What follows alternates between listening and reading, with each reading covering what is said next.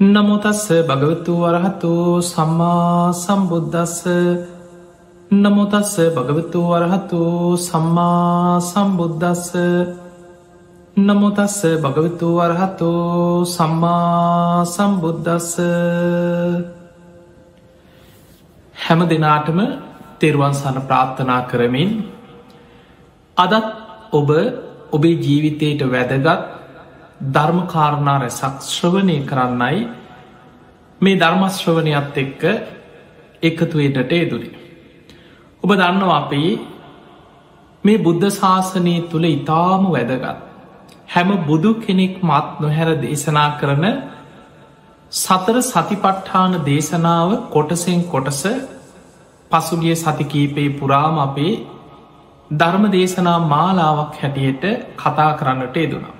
සතර සතිපට්ඨාන ඉතාම වැදගත්. මේ දේශනා පෙළ ආරම්භේදිම අපි ඔබ දැනුවත් කරා. පුළුවන්නම් සටහන් කරගන්න එක්ක පටිගත කරලා තියාගන්න මේ දේශනා නැවත නැවත අහන්න. සමහර වෙලාවට ඔබට භාවනාව ගැන ටිකක් ගැඹුරෙන් කතා කරනකොට අවබෝධ කළ යුතු ධර්මකාරණා ටිකක් ගැඹුරින් කතා කරනකොට මේක නං අමාරු යමාරුයි වෙනද බණ වගේ නෙමේ මේ බණනම් තේරෙන්නේ කියලා හිතෙන්න්න පුළුවන්. නමුත් පිංහතුනි අපි අවබෝධ කරගත්ත යුතුම කාරණාටික තමයි අපි මේ කතා කරන්න. සාමාන්‍යෙන් අපි දන්නවා කෙනෙක්ගෙ හිත අපි ගොඩක් කැමති අපේ හිත කතන්දරහන්න කතාවල් හඳ ජාතක කතා වගේ දේවල් ඊළඟට ඔය දම්ම පදේ තියෙන ඒ නිධාන කතා බුදුහාන්දුරයි කාලෙ සිදුවීම් ඒව ඇස්වරින් අපි ධර්ම කරුණු අහා ඉන්න හරි ආසයි හැබැයි ඒවෙන් අපිට ජීවිතය යමක් තේරුම් ගන්න පුළුවන්. ජීවිතය අඩුපාඩු සකස් කරගන්න පුළුවන්. නමුත් අපි අවබෝධ කරගත්ත යුතු හරය මේ ධර්මයේ බුදු කෙනෙක් ලෝකයට පහළ වෙන කාරමි බුදුරජාණන් වහන්සේ වදාළ මහනෙන බුදුරජාණන් වහන්සේ නමක් මේ ලෝකෙට පහළ වෙන්නේ වැහිලා තියෙන ආරි සත්‍යය හතරක් මතු කරලා ලෝකයාට දේශනා කරන්න. මේ සතරාපාය මහගෙදර කරගෙන සංසාරි දුක්විඳ විද යන සත්වයන්ව සංසාර දුකින් එතර කරවන් දුකෙන් නිදහස් කරවන්. අන්නේ මාර්ගයේ ගුරූපදේශ රහිතව අවබෝධ කරගන්නයි බුදු කෙනෙක් ලෝක පහළවෙන්. පිංහතුනී ඒ වෙනුවෙක් දැන් ඔබ දන්නවා අපේ බෝසතාණන් වහන්සේට සාරා සංකීය කල්පලක්ෂයකට පෙර දීපංකර පාදමූලි විවරණ ගනිද්දිම ඒ ජීවිතයේ සතර පද ගාථාවක් අහල රහත්වෙන්න තරම් පුුණ්‍ය ශක්තිය තිබුණ. සසරි මනෝ ප්‍රනිධානය වා ප්‍රනිධානය පුරපු කෙන. එදා දීපංකර බුදුරජාණන් වහන්සේගෙන් එක ගාථාවක් කහලේ ආසනීම රහත් වෙලා පිරිනිවන් පාන්න. තමන්ගේ ගමන අවසන් කරගන්න පුළුවන්කම තිබුණා. නමුත් උන්වහන්සේ කල්පනා කරා ලෝක සත්‍යයන් ගැන කරුණාවෙන් මම ලෝතුරා බුද්ධත්වය පිණිස පාරමී පුරනවා. තව බොහෝ දීර්ඝ සංසාර ගමනක මගේ ජීවිතේ මං කැපකිරීම් කරගෙන යනවා. ඒ අසංකේයවත් සත්‍යයන් සංසාර දුකින් එතර කරවන්න.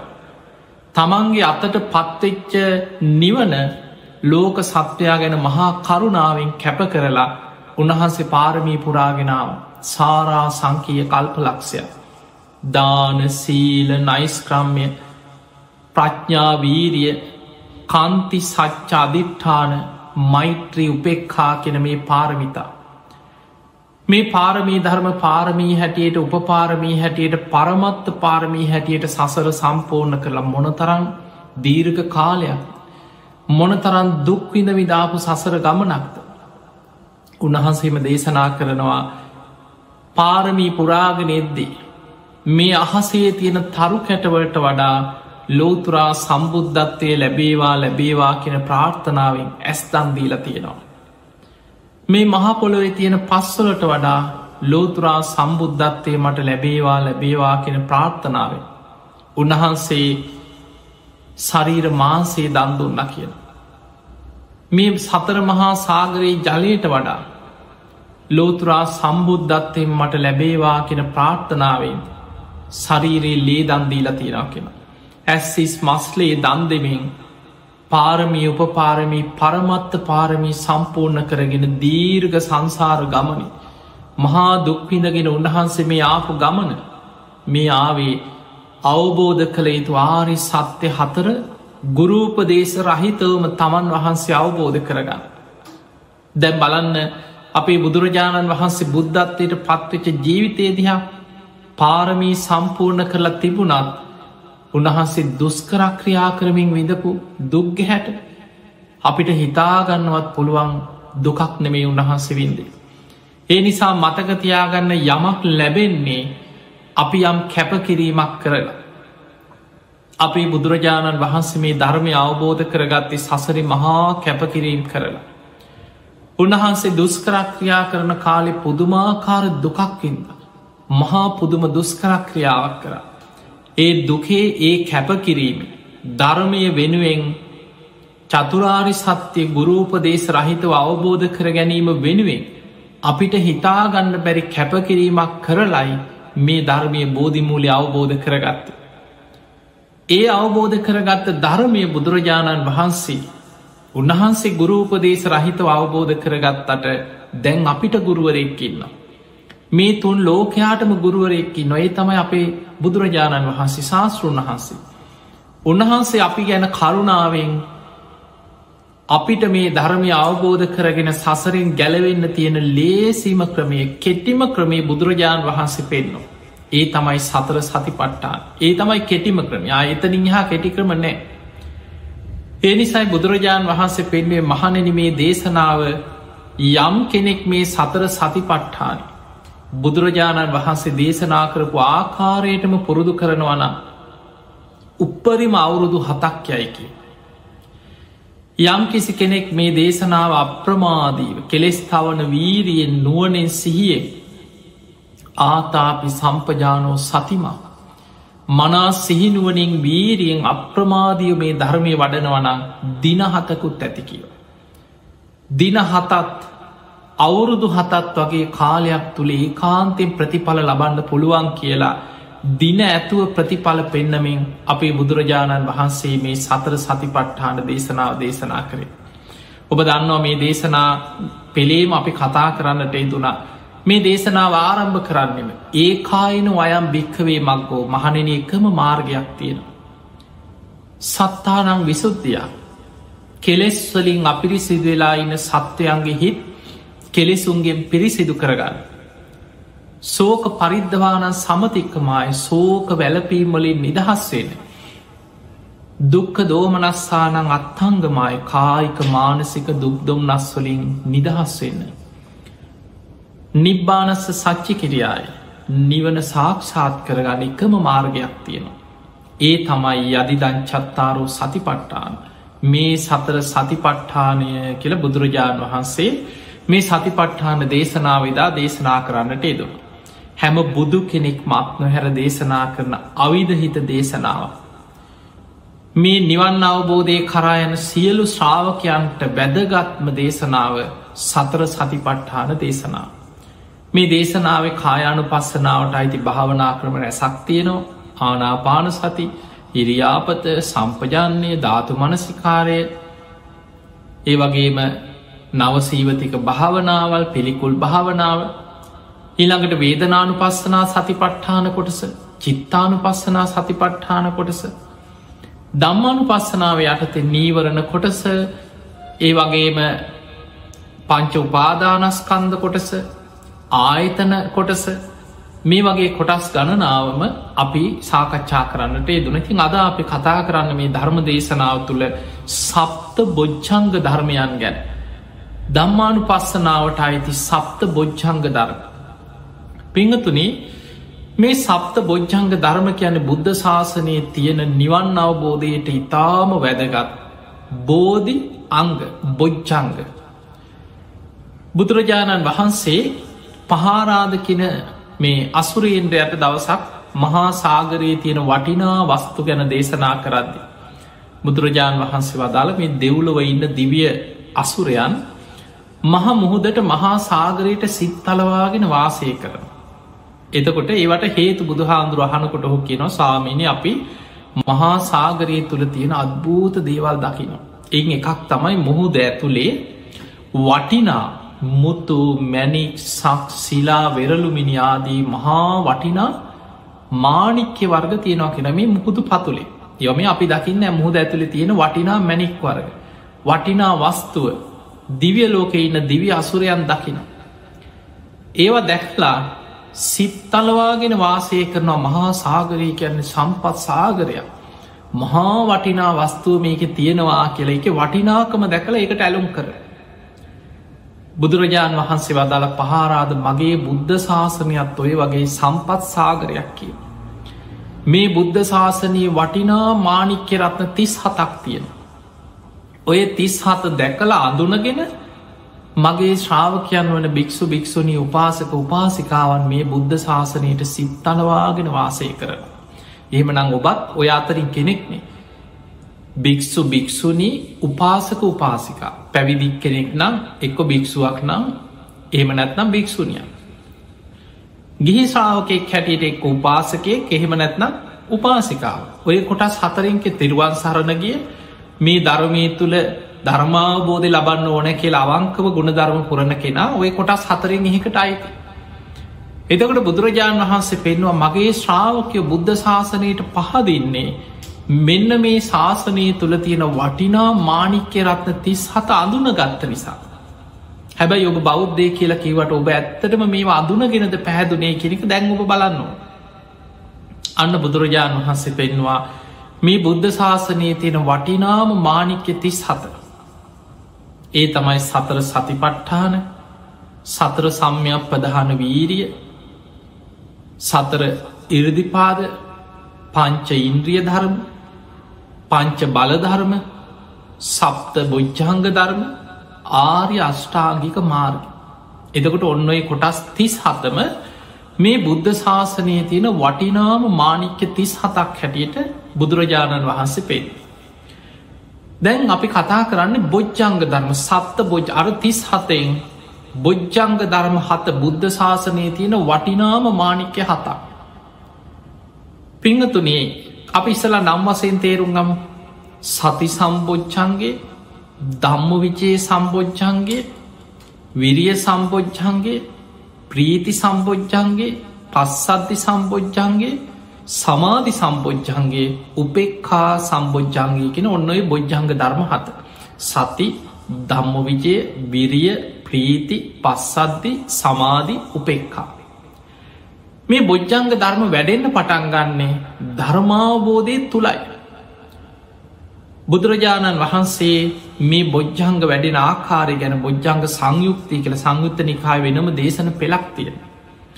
මේ දේශන අතර බුදුරජාණන් වහන්සේගේ දේශනා හොඳට එකින් එක අධ්‍යනය කරගෙන යනකොට මේ බොජ්ජංග වඩන හැටි බොජ්ජංග ධර්ම වැඩෙන හැටි බුදුරජාණන් වහන්සේ පෙන්න්න. පිංහතුනේ බොජ්ජංග බෝධි අංග සති සම්බෝජ්ජං එතකොට බලන්න එතනත් සිහිය සතර සතිපට්ඨානී පිහිටල තියෙන සිහිය. මේ සිහිය තමා තුළ හොඳට සිහිය දියුණු වෙලා සතර සතිපට්ඨානය තුළම තමන්ගේ සිහිය පිහිටනකොට ඒ සිහිය බෝධි අංගයක් බවට පත්වෙන. ධර්මාවබෝධය අංගයක් බවට පත්වෙනවා. ඒක බුද්ධංග ධර්මයක් බවට පත්වෙන. දැම් මං ඔබට මේ පියවරෙන් පියවර ගැමුරට යන විදිහට ටික ටික මේක තේරුම් කරන්න උත්සාහ ගන්න. එතකොට සතිය සතර සතිපට්ඨානය පිහිටපු සිහිය ඔබ තුළ හොඳට දියුණු කරගෙන නිවන අරමුණු කරගෙන ඔබ සිහිය වඩනවනන් අන්නේ සිහිය ඔබේ බොජ්ජංග ධර්මය බෝධියංගයක් නිවන් අවබෝධයට නැඹුරුවෙච්ච අංගයක් බවට පත්වෙන. ඊළඟට ඔබ තුළ දම්ම විචය කියන්නේ ධර්මය නුවනින් විමසීමේ දක්ෂතාව අපි ගෙන යෝනිසෝ මනසිකාරය. ඒ ධර්මකාරණා හොඳට සිහිය පිහිටලා ඒ සිහිය තුළ ඉඳගෙන ඔබ ධර්මකරුණු නුවනින් මෙනෙහි කරනවා. ප්‍රඥාව දියුණු කර ගැනීම පිණිස. අපි හිත මේ විදිහට මේ ඇස අනිත්‍යයි කනානිත්‍යයි නාසේ අනිත්‍යයි දිවානිත්‍යයි කයානිත්‍යයි මනස අනිත්‍යයි කියලා හොඳට එකඟ වෙච්ච හිතකින් විදර්ශනා නුවනින් මෙනෙහි කර කර බලනවා. ඊළඟට ඒක හේතු පලවසයෙන් බලනවා. මේ ඇස අනිත්‍යයි එහෙම නම් මේ ඇස නාමරූපයෙන් හටගත් ආයතනය මේ ඇස තුළ තියෙනවා පටව්‍යාපෝ තේජෝ වායෝ කෙන සතර මහධාතු නාම ධර්ම හැටියට වේදනා සංඥා චේතනා ඉස්පාරස මනසිකාර. මේ ඇහැ කියලා කියන්නේ මෙන්න මේ ආයතනයක්. මේක ලෙඩ වෙනවා ජරාවට පත්වෙනවා තුවාල හැදෙනවා කුණු වෙනවා ආහාර සමුදය අරූප සමුදයෝ. ආහාර නිරෝධාරූප නිරෝධ. මේ ආහාර ප්‍රත්තිෙන් හටගන්න ආහාර නැතිවෙනකොට නැතිවෙනවා. මේ අනිත්‍යයි. මේක දුකයි මේක මම නොවේ මගේ නොවේ මේක මම මගේ මගේ ආත්මය කියල මටෝන විදිහට පවත්වන්න දෙයක් මෙතන නෑ. අන්න දැන් ගැඹුරු නුවනකින් යෝනිසෝ මනසිකාරයක යෙදමින් මේ ආයතන හයේ පංචඋපාදානස්කන්දේ යථා ස්භාවය හොඳට නුවනින් විමස විමස ගැඹුරු විදර්ශනා නුවනකින් ඔබ බලන. ඒ බලනකොටේ විමසීම තමයි දම්ම විචේ ධර්මය විමසීම. අන්නේ ධම්ම විජය කෙනෙකුට නිවන අරමුණු කරගෙන වැඩෙනවා. ධර්මාවබෝධය අංගයක් හැටියට වැඩෙනවා. මාර්ග පල අවබෝධය අංගයක් හැටියට වැඩෙනවා. බෝධි අංගයක් හැටියට වැඩෙනවා. ඒ තමයි දම්ම විජයේ සම්බෝච්චන්ගේ. ඊළඟට ඔබ තුළ වීරිය මේ ධර්මමාර්ග වඩාගෙන යනකොට වීරයක් ඇතිවෙන. මේ ධර්මය වැටහෙන්න වැටහෙන්න. සසර බිය දැනෙන්න දැනෙන්න. කෙනෙකුට වීරිය උපදිනවා වීරිය තව තව බලවත්වෙනවා. බුදු හාමුදුර අපිට වීරිය සතරාකාරයකින් පෙන්වා. උපන්නාව අකුසල් ප්‍රහාණය කරන්න වීරිය ගන්න.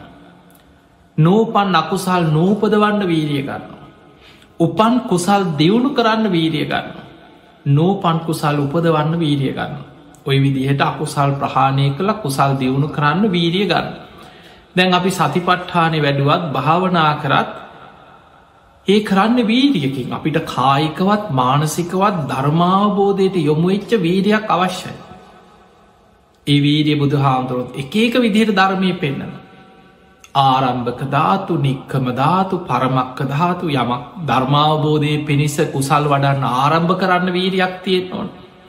නික්කම ධාතු එක දිගට දිගට පවත්තගෙන යන්න වීරයක් තියෙන් ඕන. පරම්කම ධාතු. තමන්ගේ නිෂ්ඨාව දක්වාම අවබෝධය ලැබෙන තෙක්ම අත් නොහැර අකණ්ඩව කරගෙන යන්නේ වීරිය දක්ෂ වෙන්නටෝ. එතකොට ඔය විදිහට අකුසල් ප්‍රහාණය කළ කුසල් දියුණු කර ගැනීම පිණිස ඔබ තුළ තියෙන වීරිය. ධර්මාවබෝධය අංගයක් හැටියට වීරිය වැඩෙන්න්න පටන්ගන්න. ධර්මාවබෝධය වෙනුවෙන්ම ඒ වීරිය නැබුරු වෙලා ධර්මය අවබෝධි පැත්තට වැඩෙනකොට ඒක බෝධි අංගයක් බුච්චන්ගයක් බවට පත්වෙන. ඒ වීරියම ඔබෝ ධර්මාවබෝධය කරාරගෙන මතක තියගන්න එක ඉරදි පාදයක් විරිය ඉරදි පාදය. විරිය සම්බෝජ්චන්ගේ සතර සම්යක් ප්‍රධාන වීරී විරිය ඉන්ද්‍රිය විරිය බලය ඔය හැම තැනම කතා කරන්න වීරී අවශ්‍යයි. අප්‍රමාදී භාවය අවශ්‍යයි. ඒකයි මේ බුද්ධ ශාසනයේ බොහෝ තැන්වල බුදුරජාණන් වහන්සේ වීරිය ගැන නිරන්තරෙන් පෙන්න්නන්. බලන්න උන්වහන්සේ පිරිනිවන් පාන වෙලාවේ අවසා බුද්ධ වචන බුදුරජාණන් වහන්සේ පිරිනිවන් පාන පෙර අන්තිම බුද්ධ වචන හැටියට දේශනා කරේ හන්දදාන භික්කවේ ආමන්තයා මහනෙන අවසාන වසේ නුබල අමතර වයදම්මා සංකාරා මේ ලෝක සියලු සංස්කාරයන් අනිත්‍යයි. අප්‍රමාදයන සම්පාදයට අප්‍රමාදීව කුසල් වඩන අප්‍රමාදී වෙන්නේ ගැන වීරිය වඩන්න. අප්‍රමාදී භාවය. ඊළඟට බුදුරජාණන් වහන්සේ මහාහත්ති පදෝපම සූට්‍ර පෙන්වා මහනෙනේ මේ මහපොළොව තුළ ඇවිදගෙන යන සත්වයන්ගේ පා සලකුණු අතර අපි දන්නවා මේ සත්තු පොළුව ඇවිදගෙන යනකොට පා සලකුණු පිහිටනවා. දැන් ඔබ හිතන්න ඔබ මිදුල හොඳට අතුකාපු වැලි තියෙන මිදුලක් නම් ඔබ ඇවිදගෙන ගියහම අඩි පාරවල් හිටිනවා. සතෙක් ඇවිදගෙන ගියහම ඒ සත්තුන්ගේ පා සටහන් පිහිටන. ඔය පොළොවේ පිහිටන පා සටහන් අතර විශාලම පා සටහන පිහිටන්නේ හස්තියට ඇතාට ඔබ දැකල ඇති ඇතෙකුගේ පියවර සටහනක් මුළු පොලෝම ස්පර්ස කරන ඇතාගේ පියවර. බුදුරජාණන් වහන්සේ උපමාවට වෙන මහනෙන මේ හස්තියාගේ උප මේ පියවර සටහන තුළට මේ පොළොව ඇවිදගෙන යන අනෙක් ඕනම සතෙක්ගේ පියවරක් මේ පියවර සටහන ඇතුළට ඇතුල් කරන්න පුළුවන්. එකන ඇතාගේ පියවර සටහන තමයි ලොකු. ඒ වගේ තමයි මේ ලෝකෙ කුසල් දහම් කියලා යමක් ඇද්ද. ඒ සියල් අප්‍රමාදී භාවයට මැතුල්ලෙනවා කිය. ඒක අන්න මේ ලෝක යම් කුසල් දහම් වැඩෙනවද කුසල් දහම් කියල යමක් ඇද්දේ සියල්ලම අප්‍රමාදී භාවය කියන වචනයට ඇතුල් කරන්න පුළුව. ඒ සියල්ල උපදන්නේ අප්‍රමාදී භාවය තුළමයි. එනිසා පිංහතුනි වීරි අවශ්‍යමයි. වීරියෙන්මයි මේ ධර්මමාර්ගයේ ගැඹුර කරායා යුත්තේ. මාර්ග පලාවබෝධය නිවන්න අවබෝධය කරායා යුත්තේ. එතකොට කෙනෙක් තුළ ධර්මාවබෝධය පිණිස නිවන්න අවබෝධය පිණිස තමා තුළ තියෙන වීරිය බලවත්වෙනකොට ඒ අවබෝධය අංගයක් හැටියට වැඩෙන. නිවන කරා වීරියෙන් ඔබ අරගෙන යනවා ඉස්සරහට. එතකොට ඒක බොච්චංගයක් බෝධි අංගයක් බවට පත්වෙන. ඔන්න සති සම්බෝච්චන්ගේ විරිය ධම්ම විජය සම්බෝච්චන්ගේ විරිය සම්බෝජ්ජන්ගේ සිහිය ධර්මය නුවනින් විමසීම හෙම නැත්නම් යෝනිසෝ මනසිකාරය ධම්ම විජය ඊළඟට වීරි අකුසල් ප්‍රහණය කළ කුසල් දියුණු කරගන්න ගන්න වීරි. ඊළඟට එහෙම වීරියෙන් හොඳ ධර්මය විමසමින් ධර්මාවබෝධයට හිත වඩාගෙන යනකොට හිතේ ඇති වෙනවා නිරාමිස ප්‍රීතියක් නිරාමිස සතුටක් උපදී. මේ ධර්මය වැටහෙන්න වැටහෙන්න ධර්මය තුළ ලොකු සතුටක් තියනවා. මේ ධර්මමාර්ග වඩන කෙනාට ධර්මමාර්ගය තුළේ නිරාමිස සතුට අත්දකින්න ලැබෙන. නිරාමිස කියලා කියන්නේ ඒක පංචකාමයන් එක්ක ලැබෙන දෙයක් නෙමේ. දැ සාමාන්‍ය පංචකාමයන් තුළ ඉන්න ලෝකයා සතුට හොයන්නේ ඇහැට පේන බාහිර ප්‍රිය මනාපු ලස්සන ලස්සන රූප දැකල්. ඒවැන් සතුටු වෙන්න ඒවා හොය හොයා දුවන. කනට ඇහෙන සබ්ද ප්‍රියමනාප මිහිරි හඬ සබ්ද සංගීත ඒවා හොය හොයා දුවනු. නාසේට සුවද එකඒක සුවඳ වර්ග හොය හොයා දුවනු. ඊළඟට රස රස කෑම දිවට දැනෙන රස. බලන්න කෑම වෙනුවෙන් කොච්චර? ආහාරය වෙනුවෙන් කොච්චර වියදංකට මිනිස්ව ඉන්නවා රසය හොය හොයා දුවනු. පහස. කයට දැනෙන පහස ලබන්න හොය හොයා ඒවට දුවන. එදකොට සාමාන්‍ය ලෝකයා මේ ඉන්ද්‍රියම් පිනවල ඇස කණ නාසේ දිවකය පංච ඉන්ද්‍රියම් පිනවීම තුළ තමයි සැපය හොයන්න. බුදුරජාණන් වහන්සේගේ ධර්මය තුළ පංච ඉන්ද්‍රියන් පිනවීමකින් ඉන්ද්‍රියන් තුරින් ලබාගන්න අර සාමිස කෙලෙස් සහිත එකක් නෙමේ නිරාමිස. සමාධිය තුළ භාවනාව තුළ විමුක්තිමාර්ගය තුළ නිවන් මග තුළ මේ මඟ වඩනකොට උපදිනවා නිරාමිස සැපයක්. ඒ සැපේ අර සියල්ලට වඩා උතුම් සැපය. ඒ සැපය ධර්මාවබෝධය අංගයක් හැටියට ඔබ නිවන කරාරගෙන යනවා. එතකොට එයා ඒ සැපේටත් නොවැලි ඒ සැපේ යථාස භාවේ දකිමි ඒ සැපේත් හටගත්ත මෙන්න මේ විදිහටයි කියල දකිමි එයා ඒ සැපයක් නිවන්න අවබෝධය අංගයක් බවට පත් කරගන්න. අන්න එතකොට ඒ ප්‍රීතිය බොජ්ජංග ධර්මයක් හැටියට නිවන අරමුණු කරගෙන වැඩෙන. දැම් බලන්න ඔබ දන්නවා අපි දිහාන මට්ටමින් කතා කරම. ඔබ අහල ඇති කෙනෙක් පළවෙනි දෙහානය උපදවාගන්න භාවනා කළ සමාධිය වඩල පළවෙනි දෙහානය උපදවාගන්න මේ දෙහානය බුදුරජාණන් වහන්සේ විස්තර කරේ මෙහෙම. විවිච්චේව කාමයෙහි විවිච්චේ වකුසලේහි දම්මෙහි සවිතක්කන් සවිචාරං විවේකජං ප්‍රීති සුකං පටමත් දෙහානං උප සම්පජ්ජ විහරති ඔන්න පළවෙනි ධ්‍යානය බුදු හාමුදුරු ධර්මය විස්තර කරපු හැටි. විවිච්චේව කාමී යන්නර පංචකාමයන්ගෙන් වෙන් වෙලා. විවිච්චේව අකුසලේහි දම්මේ යකුසල ධර්මයන්ගෙනුත් වෙන් වෙච්ච වෙලා. සවිතක්කං සවිචාර විතක්ක විචාර තියනවා. ප්‍රීති සුකං අන්න ප්‍රීතියක් තියනවා හිතේ ඇති අර කාමයන්ගෙන් වෙන් වෙලා ඉන්න හැබැයි එතකොට ප්‍රීතිය ඉපදිලා තියෙන කාමයන් නිසා අන්නමේ කාමයන්ගෙන් වෙන් වෙලා අකුසලයන්ගෙන් වෙන් වෙච්ච නිරාමිස ප්‍රීතියක් තියෙනවා. ඒවගේම ලොකු සැපයක් දැනෙන. අන්නේ ප්‍රීතියක් සැපයක් තුළ තමයි පළවෙනි දිහානය උපදවන එතකොට දැම් මේ දිහානය උපදවල තියෙන්නේ නිවන අරමුණු කරගෙන ඒ නිවන අරමුණු කරගෙන හිත වඩන කෙනාට හිත තුළ මේ නිරාමිස සතුට ප්‍රීතිය තියෙනවා.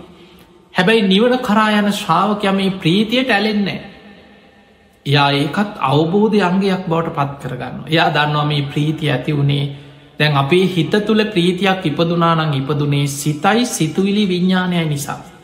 අපි ආනාපාන සති භාවනාවෙන්නම් සමාධිය ඇති කරගත්තේ.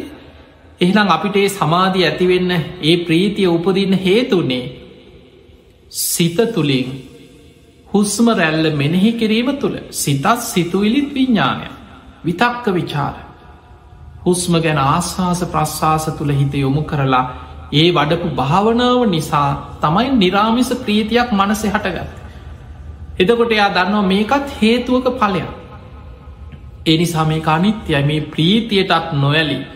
ඒ නිරාමිස ප්‍රීතියක් අවබෝධ අංගයක් බවට යා පත් කරගන්න අන්න එතකොට ඒක බොච්චංක ධර්මයක් හැටියට නිවන අරමුණු කරගෙන තමා තුළ වැඩෙන්න්න පටන්ගන්න. අන්න ප්‍රීති සම්බොච්චන්ගේ. තැන් සති දම්ම විජය විරිය ප්‍රීති. ප්‍රීතියට නොයලෙනකොට යා තුළ බලවත් වෙනවා පස්සද්දිය. කායික සැහැල්ලුව. ප්‍රීතියට නොයලෙන්න්න නොයලෙන්න කායික සැහැල්ලුව පස්සද්ධිය තුළ හිත පිහිට මේ හිතේ ස්වභාවය යමකින් මිදෙනකොට තව තැනක හිත පිහිටන. හැබැයි හිත පිහිටන්නේ ධර්මය කරායන ශ්‍රාවකයා උතුම්ම අරමුණු තුළ තමයි හිත පිහිටගෙන ගැලවීම දක්වාමයන්. එතකොට බලන්න දැන් මේ දිහාන ඉහලට ඉහලට යනකොට පළවෙනි දිහානය ඉන්න කෙනා දෙවනි දිහානයට පත්වෙනකොට. විතක්ක විචාර සංසිදෙනවා. එයාට බලවත්වම තියෙනවා ප්‍රීති සුකේ කාග්‍රතා. එයා තුන්ගනි දිහානයට යනකොට අන්න ප්‍රීතිය සංසිදෝන ප්‍රීතිය ආදීනව සිහි කරලා ප්‍රීතියට නොවැලි ප්‍රීතියෙනුත් හිත මධ්‍යස්ථ කරගන්න. ඒ මධ්‍යස්ථ කරගන්නකොට තුන්ගනි දෙහානය තුළ බලවත්වම තියෙන්නේ සැපය කායික සැහැල්ලු භාවේ සැපයත් උපේක්ෂාවත්. ප්‍රීතිය සංසිදිලා සැපයයි උපේක්ෂාවයි තියෙන තුන්ගෙන දිහානය ලබන. එතකොට ප්‍රීතියෙන් හිත මිදෙනකොට කායික සැහැල්ලු භාවයක් එක්ක කයි තුළ විශාල සැපයක් දැනෙන පටන්ගන්න. එතකොට මේ ධර්ම මාර්ග ගැඹුරට වැඩෙනකොට ඒ තුළ ඒ ධර්මාවබෝධයට වඩන ශ්‍රාවකයාගේ හිත ඒ තුළ පිහිටන හාකාරය. හැබැයි යා දැම් පස්සත් දියර කායික සැහැල්ලුව නිසා ඇතිවෙච්ච සැපයත් අවබෝධය අංගයක් හැටියට දකිින්. දැන් අප හිතම අපේ කය භාවනා කරනකොට සරලව අපි ගම. අපේ කය භාවනා කරනකොට කායිකව ලොකූ සැහැල්ලු බවක් අපිට දැරෙන සැපයක් දැනෙන සමහරු කියන්න බාඒ ඉහලට වඩපු අයින මේ සාමාන්‍ය භාවනා කරනයි පවා කියනවා ටිකක් භාවනා කරගෙන යනකොට හර පොන්දරි දෙනේවා කකුල් රිදෙනේවා ධනිශ්‍රි දෙනේවත් හොඳට හිත එකඟ වෙනකොට ඒවා අමතක වෙලා යන ලොකූ සැහැල්ලුවක් දැනෙනවා.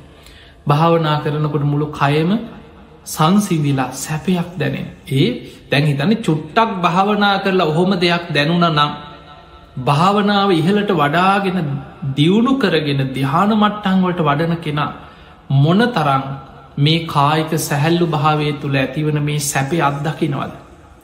හැබැයියා සැපේ අත්දැක්ක කියලා ඒ සැපේට ඇලෙන්නේ. අවබෝධ අංගයක් බවට එක පත් කරගන්න. එයා එතනින් නතර වෙන්න ඒක එක බොච්චංගයක් බවට පත් කරගන්න. බෝධි අංගයක් බවට පත් කරගන්න. එයා දන්නවා කායික සැහැල්ලුවක් නිසා සැපයක් ඇති වුණාද. මතකතියාගන්න සැපයක්කාවත් දුකක්කාවත් මොනවිඳීමක්කාවත් උපදින්නේ ඉස්පර්සයෙන්මයි. කායික සැහැල්ලු භාවයක් නිසා සැපේ ඇති වුණානං ඒ සැපේ අපිට ඇතිවුණේ කයයි පහසයි විඤ්ඥානය නිසා. එදකොට ඒකත් භාවනාව තුළම ධර්මාවබෝධයට මේ හිත වැඩීම තුළම ඇතිවෙච්ච හේතුවක පලය. ඒක අඳුන ගත්ත කෙනහර සැපේට නොවැලී හේතු පල වසයගේ සැපයත් නුවනින් දකින අවබෝධ අංගයක් බවට එක පත් කරගන්න. එයා ඒ සැපේ යථාස භාවේ දකිමින් එක අනිත්‍ය වසේ දුක් වසයෙන් අනාත්ම වසයෙන් විදර්ශනා වඩමින්ගේ සැපේටත් නොවැලී ඒ සැපේ පවා අවබෝධ අංගයක් හැටියට වඩන. අන්න එතකොට ඒක බෝධි අංගයක් බොජ්ජංග ධර්මයක් බවට පත්වෙන්. දැන් ඔන්න අපි කතා කරා ධර්මාවබෝධයට හිත වැඩීගෙන යනකොට සතර සති පට්ඨානය තුළ හොඳට හිත පිහිටල ඒ වැඩෙන සීය බෝධි අංගයක් හැටියට ගැඹුරින් වැඩෙන බොජ්ජංගයක් වෙන.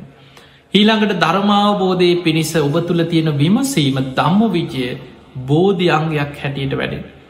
ධර්මාවබෝධය තුළ ඔබ ඇතිකරගන්න වීරිය ඔබ තුළ බෝධි අංගයක් වෙන එක විරිය සම්බෝජ්ජන්ගේ බවට පත්වෙන. ධර්මාවබෝධය තුළ ඔබ හිත වඩාගෙන යනකොට ඔබට නිරාමිස සතුටක් ප්‍රීතියක් ඉපදුනාන. ඔබ ඒටත් නොවැලී විදර්ශනාවට යොමු වෙලා ගැඹුරින්ගේ ප්‍රීතිය නිවන අංගයක් හැටියට බොච්චංගයක් හැටිට ඔපට වඩාගෙන යන්න පුළුව. ඒක ප්‍රීති සම්බොච්චන්ගේ බවට පත්වේ. ඊළඟට ඔබ තුළ යම් කායික සැහැල්වක් නිසායම් සැපයක් දැනෙනවද. ඒ සැපේත් යතහස භාව අත්දකිමින් ඒකත් අනිත්‍යයි දුකයි අනාත්මයි කියලා. විදර්ශනා වඩමින්ගේ දැනෙන සැහැල්ලු භාවේ සැපේ පවා අවබෝධය අංගයක් හැටියට පත් කරගන්න. පස් අද්දි සම්බෝජ්ජන්. සට සති දම්ම විජය බිරිය ප්‍රීති පස් සද්ද. ඊළඟ එක තමයි සමාධී. කයට අර සැහැල්ලුවටත් නොවැලෙනකොට සමාධියම තමයි තවතව බලවත්තේ. එ දැන් පළවෙනි දිහානයට වඩා දෙවනි දිහානයේ ඒකාග්‍රතාවය බලවා. ඊටත් වැඩිය තුන්ගනි දිහානය තුළ තවත් හිත කර්මන්නේ වෙලා බලවා. හතරවෙනි දිහානයට යනකොට තවත් බලව. මතකතියාගන්න පළවෙනි දිහානයේදී ඔන්න විතක්ක විචාර සංසිදෝගන්න. දෙවනි දිහානයට යනකොට ප්‍රීතියට නොවැලී ප්‍රීතිය ගැන සංසිදෙන. තුන්ගනි දිහානයට යනකොට සැපේටත් නොවැලී සැපය සංසිදෙන. හතරනි දිහානයට යනකොට බලවත් උපේක්ෂාවක් තිය. හතරනි දිහානයේ තුර තියෙන බලවත් උපේක්ෂාස භාවයක් තිය. ඒ වෙන්නකොට සමාධිය ඉහලටම වැඩිලා. හතරවෙනි දිහානයට වැඩිලා බුදු හාමුදුරු දේශනා කළ තියෙනවා හතරවෙනි දිහානයට දියුණු කරපු හිත හරියට පෙරාපු රත්තරං වගේ. උපමාවකට පේන දැන් ඒ උපමාවෙන් බුදුහාන්දුර විස්තර කරේ කර්මණ්‍යයි කිය. පෙරලා හොඳට පිරිසිදු කළ පෙරාපු රත්තරං කර්මණ්‍යයි. ඊට පස්සේක ඕන පැත්තකට අපිට අවශ්‍යතාවයට අනුව යොමු කරලා ඒ නිර්මාණයක් සකස් කරගන්න පුළුවන් පෙරාපු රත්තරංගල. ඔබට අවශ්‍ය මාලයක් හදන්න නම් මාලයක් හදන්න පුළුව. ඔබට අවශ්‍ය වලල්ලක් හදාගන්න ඔබට වලල්ලක් හදන්න පුළුව. ඔබට කරාම්බුවක් හදන්න නම් කරාම්බුවක් හදන්න පුළුව. ඒ පිරිසිදුව පෙරලා කරමන්න කරපු රත්තරං අවශ්‍ය විදිහට ඒක කර්මණ්‍ය විදිහට සකස් කරගන්න ඒ වගේ තමයි හතරවෙනි දිහානයට හිත ඉහලට වැඩිල වැඩිලා ඉහල සමාධි මට්ටමකට එනකොට හිත හොඳ කර්මණ්‍යයක. ඒ හතරවෙනි දිහානයට දියුණු කරගත්ත පිරිසිදු හිතක් තුළේ ලන් තමයි එයා හිත යොමු කරන්නේ පෙරජීවිත දකිින්. අන්න එතනදි තමයි යාට පහළ වෙන්න පුබ්බේ නිවාසානුස්සති ඥානය කල්ප ගනන් ආපස්සට පෙරජීවිත දකින නුවන උපදවාගන්න එතනද. පුබ්බේ නිවාසානුස්සති ඥාන. ඊළඟට එයාට පුළුවන්ගේ හතරවනි දෙහානය තුළේ දම්ම හිතය යොමු කරලා. සත්‍යයම් මැරුණට පස්සේ උපදින ආකාරය දකින නුවන උපදවන්න. ඒකටකිෙන චොතූප පාත ඥානය උපදවන. ඒකත් එතනද. එතකොට ඒ වගේ දිවැස් නුවන පහල කරගන්නේවා ඉරදි විධඥාන ඒව තම තමන්ගේ පිනේ සසර පුරුදුවල ස්වභාවයට ඒ ඥානයන් පහල කරගන්න අර කරමන්නේ හිතට හැකියාව තියෙන. හැබැයි දැන් සමාධිය ගොඩක් ප්‍රබලයි. හැබැයි එයා සමාධියටත් නොවැලි මතකතියාගන්න මේ බුද්ධ ශාසනය තියෙන වටිනාකම ඒකයි. මේ බුද්ධ ශාසනයෙන් පරිබාහිරත් සමාධිය වඩපු දෙහාන වඩපුයි ඉඳලතිය. ඒකන අපි බුදුහාදුර පහළ වෙන්නත් පෙරුව ආලාර කාලාම උද්ධකරාමපුත්ත අසිත තාපසය පවා මනෝමය කයින් දිවිය ලෝකෙට ගියා කියෙන භාවනා කරපු තවසේ. එතකොට ඒ හිත දියුණු කරලා එක එක හැකියාවල් ඇති කර ගත්තායි භාවනා කරපයි හිටිය හැබැයි ඔවු සමාධියයට ඇලුම් කරා. සමාධිය තෘෂ්ණාවෙන්ගේ සමාධිය තුළ බැදේ හිටිය. ඒක උපාදාන කරගත්ත. ඒ නිසාවුන්ට ගැලවෙන මාර්ග ඉතනින් එහාට හොයාගන්න බැරිව. බොහෝ දෙනෙක් හිත වඩලා එතනින් එහාට ගැලවෙන ක්‍රමේ හොයාගන්න බෑ. බුදුරජාණන් වහන්සේ තමයි දේශනා කරේ සමාධියටත් නොවැලි සමාධිය ගැනත් හිත උපේක්ෂාවට පත්වෙන්නට ඕන. එතකොට එයා ඒ කොච්චර හිත දියුණු කරත් දියුණු කරපු හිත තුළත් හේතු පල දකින. මේකත් අනිත්‍යයි. මේකත් හේතු පල ධර්මයන් තුළ පහළ වෙච්ච දෙයක්. ඒ සමාධියට නොවැලී ඒ සමාධී යථා ස්භාවයේ නුවනින් දකිමින් විදර්ශනා නුවනින් දකිනකොට අන්නේ සමාධිය බෝධි අංගයක් බවට පත්තෙන්. එක බොච්චංග ධර්මයක් බවට පත්තෙන්. ඒක උපාදාන වෙච්ච දෙයක්මනි දැන් ඒක අවබෝධය පැත්තට නැබුරුවේ. අන්න ඒ බොජ්ජංගයක් සමාධි සම්බොච්චන්ගේ බවට පත්ත. ඒ සමාධියටත් නොවැලෙනකොට හිත බලවත් උපේක්ෂාවකට පත්තේ. දැන් ඔන්න දැන් බල දැන් ඔන්න කෙනෙක් ඔය බලන්න.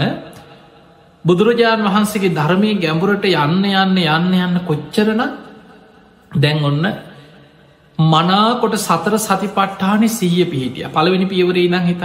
ඒ සිහියට නොවැලී සිහි අවබෝධය අංගයක් බවටයා පත් කරගත්ත. ඊළඟට ධර්මාවබෝධය පිණිසයාගේ විමසීම යෝනිසෝ මනසිකාරය නුවනින් විමසීම අනිත්‍ය මනසිකාරයත්තයා බෝධියංගයක් බවට පත් කරගත්ත. ඊළඟට එයා තුළ යම් වීරියක් තියෙනවනං ඒ වීරියත්තයා බෝධි අංගයක් බවටම පත් කරගත්ත.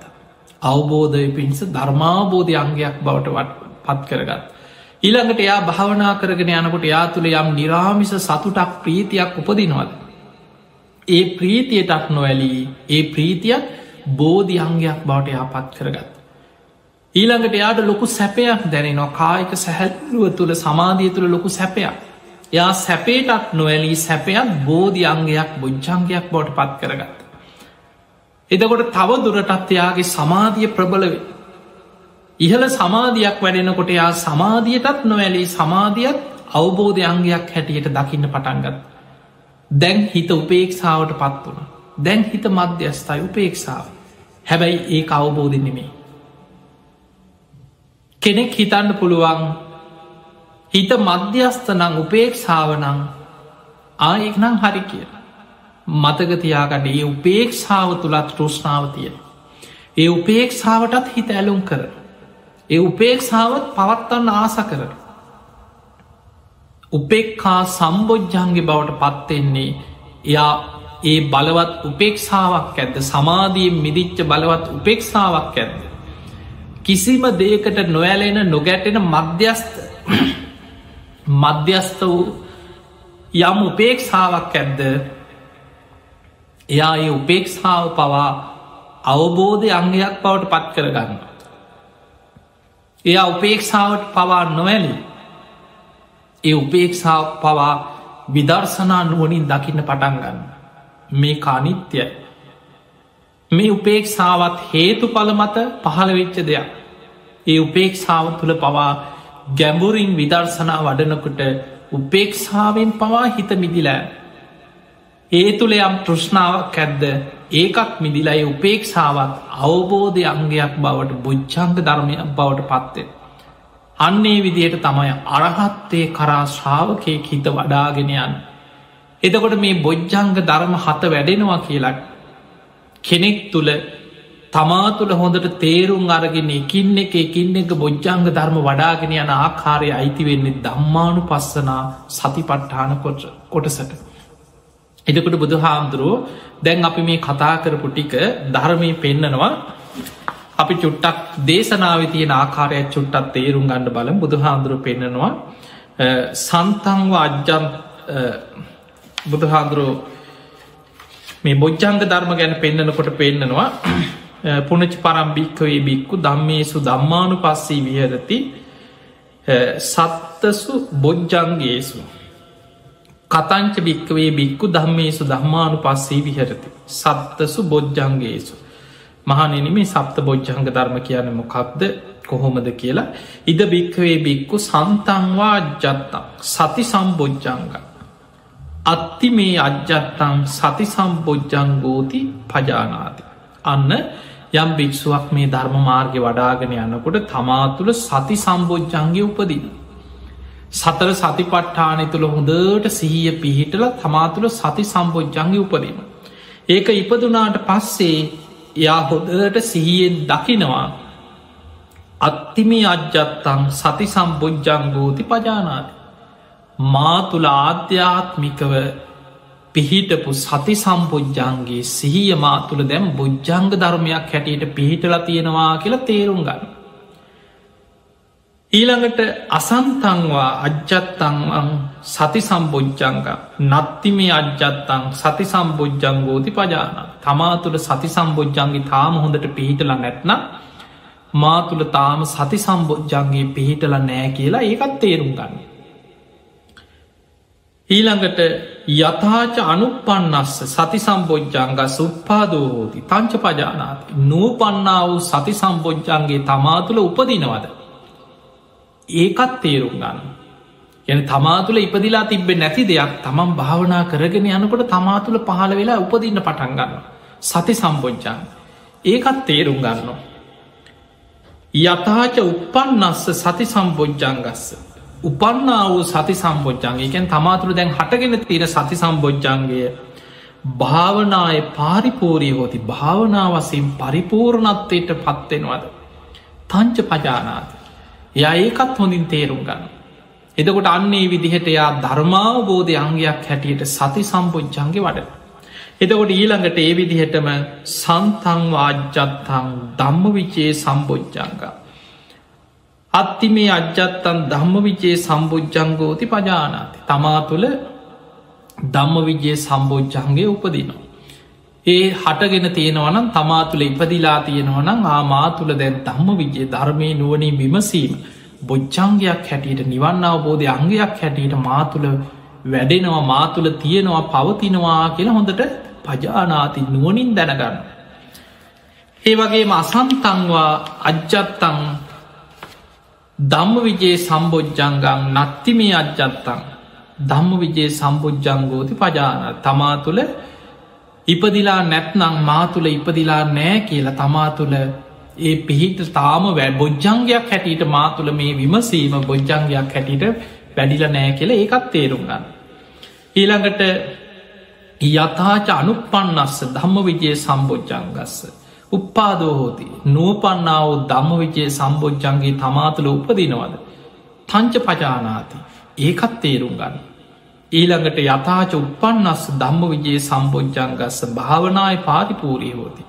තමා තුළ හටගත්තාව දැන් මතු වෙලා තියෙන. තමා තුළ හටගත්ත ධම්ම විජය ගැන ධර්මාවබෝධය පිණිස යෝනිසෝ මනසිකාරය නුවනින් විමසීම බොජ්ජංගයක් හැටියට දැන් භාවනාය පාරිපූරී හෝතික භාවනාවසයෙන් පරිපූර්ණ වෙමින් වැඩෙනවා කියලා තංච පජානාති.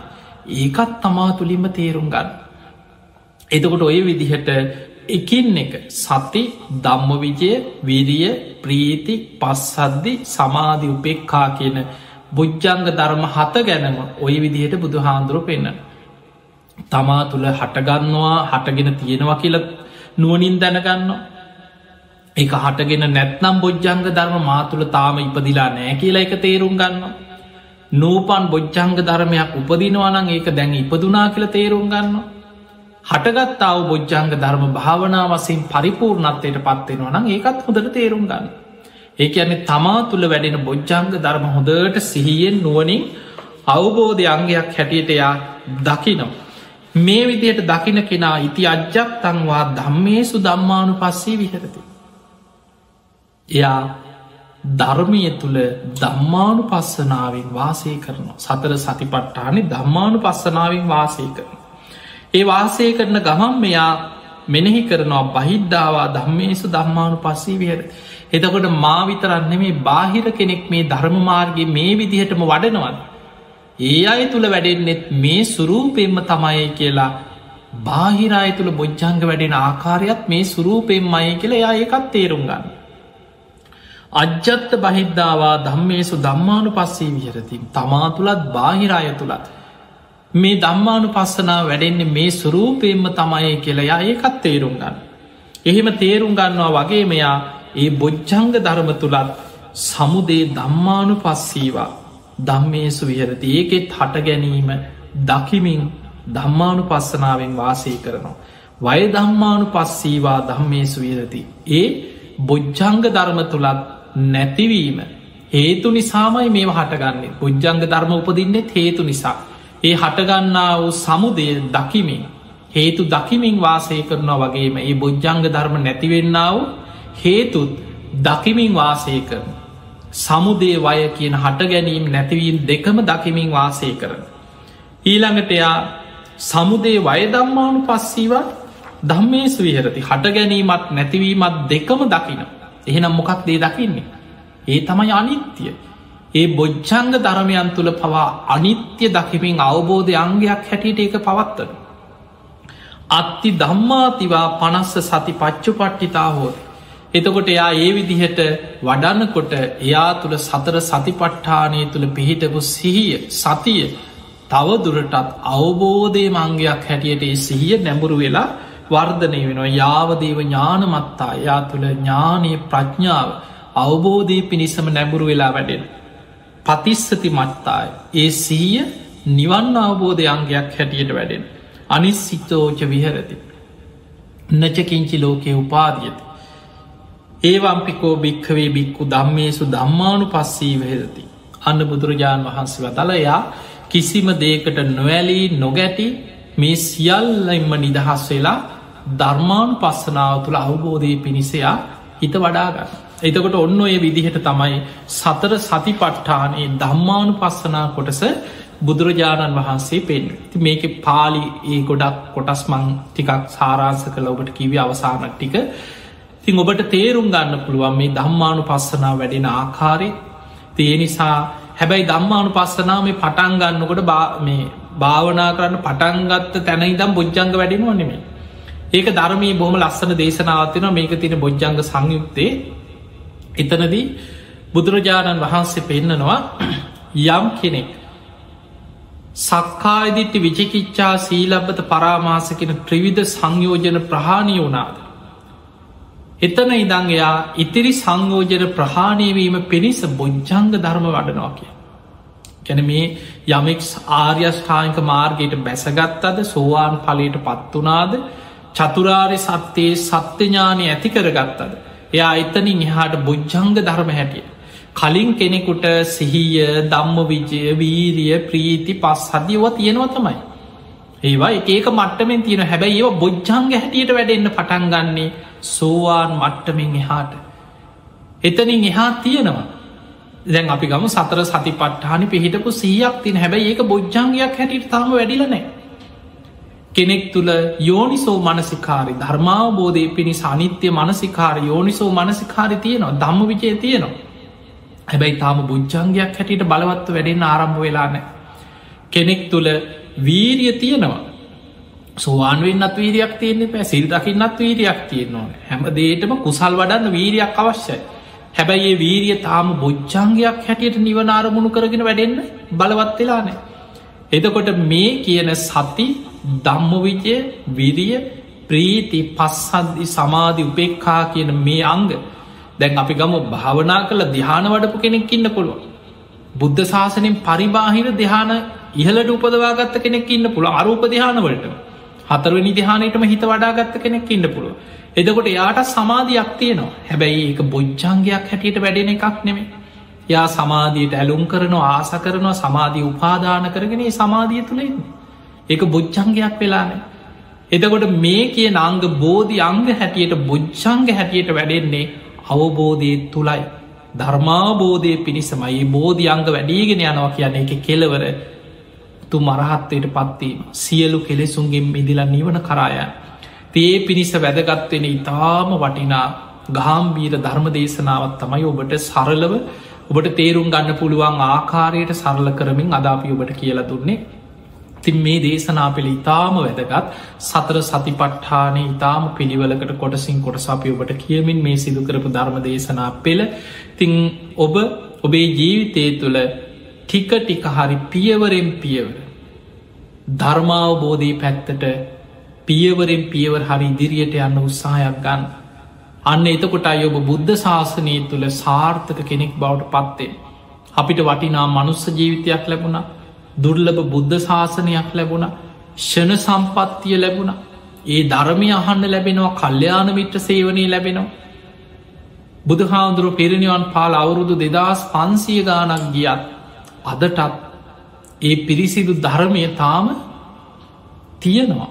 හැබැයි විකෘතිවේගෙන ගේවත් තියෙන හැබැයි පිරිසිදු ධර්මයත් ඒ අතර තියෙන හරියට පිරිසිදු රත්තරන් තියෙන අතරම ව්‍යාජ වර්ගත් ඒ විදිහටම ලෝකෙ තියෙනවා වගේ ධර්මී සුරූපෙන් අධර්මයක් තියෙන. හැබැයි හරියට රත්තරං ගැන දන්න කියෙන අරවට රැවටෙන් නැතුව රත්තරං අඳුන ගන්න දන්න මිනිස්සු ඕන තරඟන්න. එතකොට හොඳ දක්ෂ රත්තරං ගැන දන්න කෙනෙ කවදාවත් ව්‍යාජවර්ගවලට රැවටෙන්නේ.